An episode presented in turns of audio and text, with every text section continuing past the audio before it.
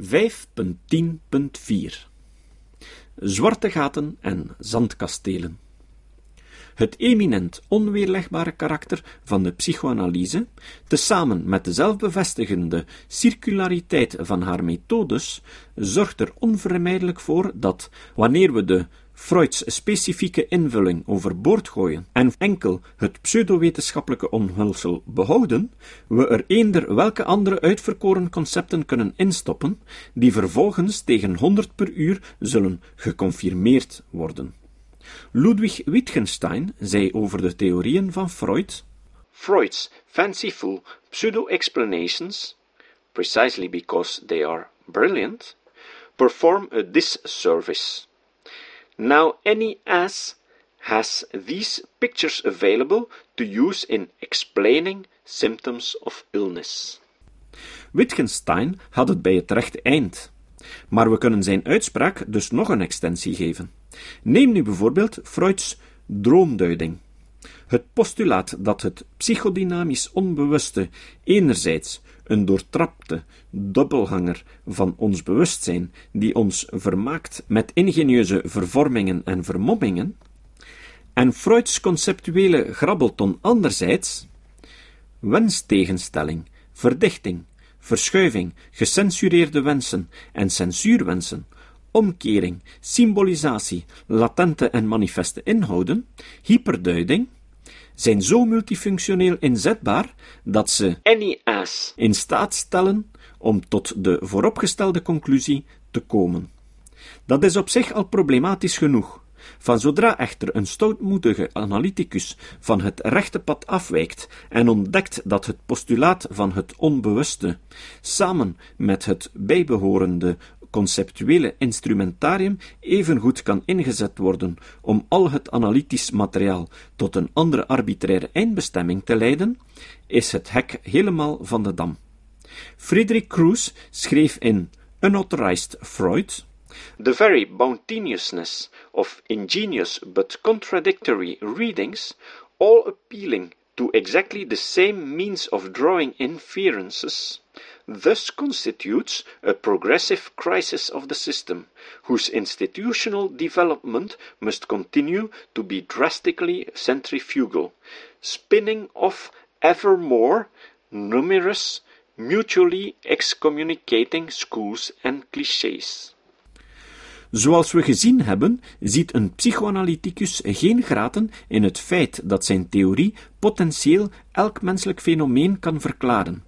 Integendeel, hij beschouwt dat als haar bijzondere overtuigingskracht. Aangezien dit echter voor elke theorie geldt die zich ontwikkelt binnen het eminent onweerlegbare kader dat Freud ontworpen heeft, en geen van de rivaliserende scholen duidelijke voorbeelden zal aantreffen die de eigen theorie weerleggen, zijn psychoanalytici gedoemd om eeuwig met elkaar te twisten. In 1962 al confronteerde de psychoanalyticus Jude Marmer zijn collega's met dit ketterse inzicht. Dependent on the view of the analysts, the patients of each school generate precisely those data that support the theories and interpretations of their analysts. Freud vond voortdurend confirmaties voor het Oedipuscomplex, Rank voor de scheidingsangst, Jung voor de anima en de persona, Adler voor minderwaardigheidscomplexen, Sullivan voor verstoorde relaties, Lacan voor de symbolische vader. Bovendien schrijven Stengers en Chertok Le matériel apporté par un patient est peu susceptible de forcer un analyste à s'intéresser à une théorie que, jusque-là, il refusait. Mocht een psychoanalyticus dat wel doen, dan zou hij moeten erkennen dat die andere inzichten hem tot dan toe waren ontgaan, wat de betrouwbaarheid van de methode in gevaar brengt. Of zou hij moeten toegeven dat die andere interpretatie net zo goed is als de zijne? Tussen haakjes, de hermeneuten en de postmodernen zullen hem met open armen ontvangen. Een psychoanalyticus die daarentegen inziet dat de onophoudelijke stroom van confirmaties voor zowel zijn theorie als die van zijn rivaliserende collega Het failliet van de methode aantoont, zal simpelweg ophouden psychoanalyticus te zijn. De psychoanalyticus die zichzelf op de borst klopt voor progressie van de beweging, ziet zich dus ook voor een fundamenteel probleem aangesteld. Aangezien het systeem waarin hij werkt met enige bedrevenheid eindeloos confirmaties oplevert, kunnen de noties uit de afgedankte theorie niet recht toe aan weerlegd worden door de disconfirmerende gegevens. Zolang iemand de psychoanalytische methode niet in twijfel trekt, is er in principe niets dat concepten als penisneid kan weerleggen. Het enige wat een progressieve psychoanalyticus kan doen, is deze genante ideeën stilletjes onder het tapijt schuiven. Aangezien psychoanalytische stellingen fundamenteel als decreten functioneren, kunnen er geen empirische gegevens zijn die de psychoanalyticus dwingen om van het ene decreet naar het andere over te stappen.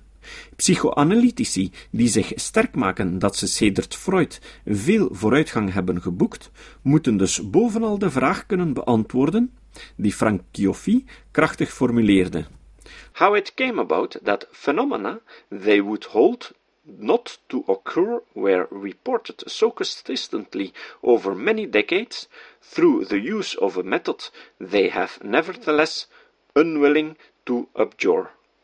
Het feit dat psychoanalyse niet zozeer een welomlijnde theorie is, maar eerder een magisch concept voor eeuwige confirmatie dat door Freud is ontdekt, impliceert dat de precieze inhoud van het onbewuste volstrekt willekeurig is, en dat wat bij ons bekend staat als psychoanalyse, in de woorden van Mikkel Broch-Jacobson, een theorie vide is. Een nébuleuse sans consistance, une cible en perpétuel mouvement. De ultieme holheid van de psychoanalyse is volgens Borg Jacobson ook de oorzaak van haar vermogen om zich steeds opnieuw als een chameleon aan te passen aan de culturele en historische achtergrond waarin ze zich bevindt. Elke nieuwe wending in de psychoanalytische ideeëngeschiedenis is dus niet ingegeven door een ontvankelijkheid voor disconfirmerende gegevens, maar door een theoretisch opportunisme. Hedendaagse psychoanalytische theorieën boeken dus helemaal geen vooruitgang ten opzichte van Freud. Integendeel, het zijn gewoon andere kastelen op hetzelfde drijfzand.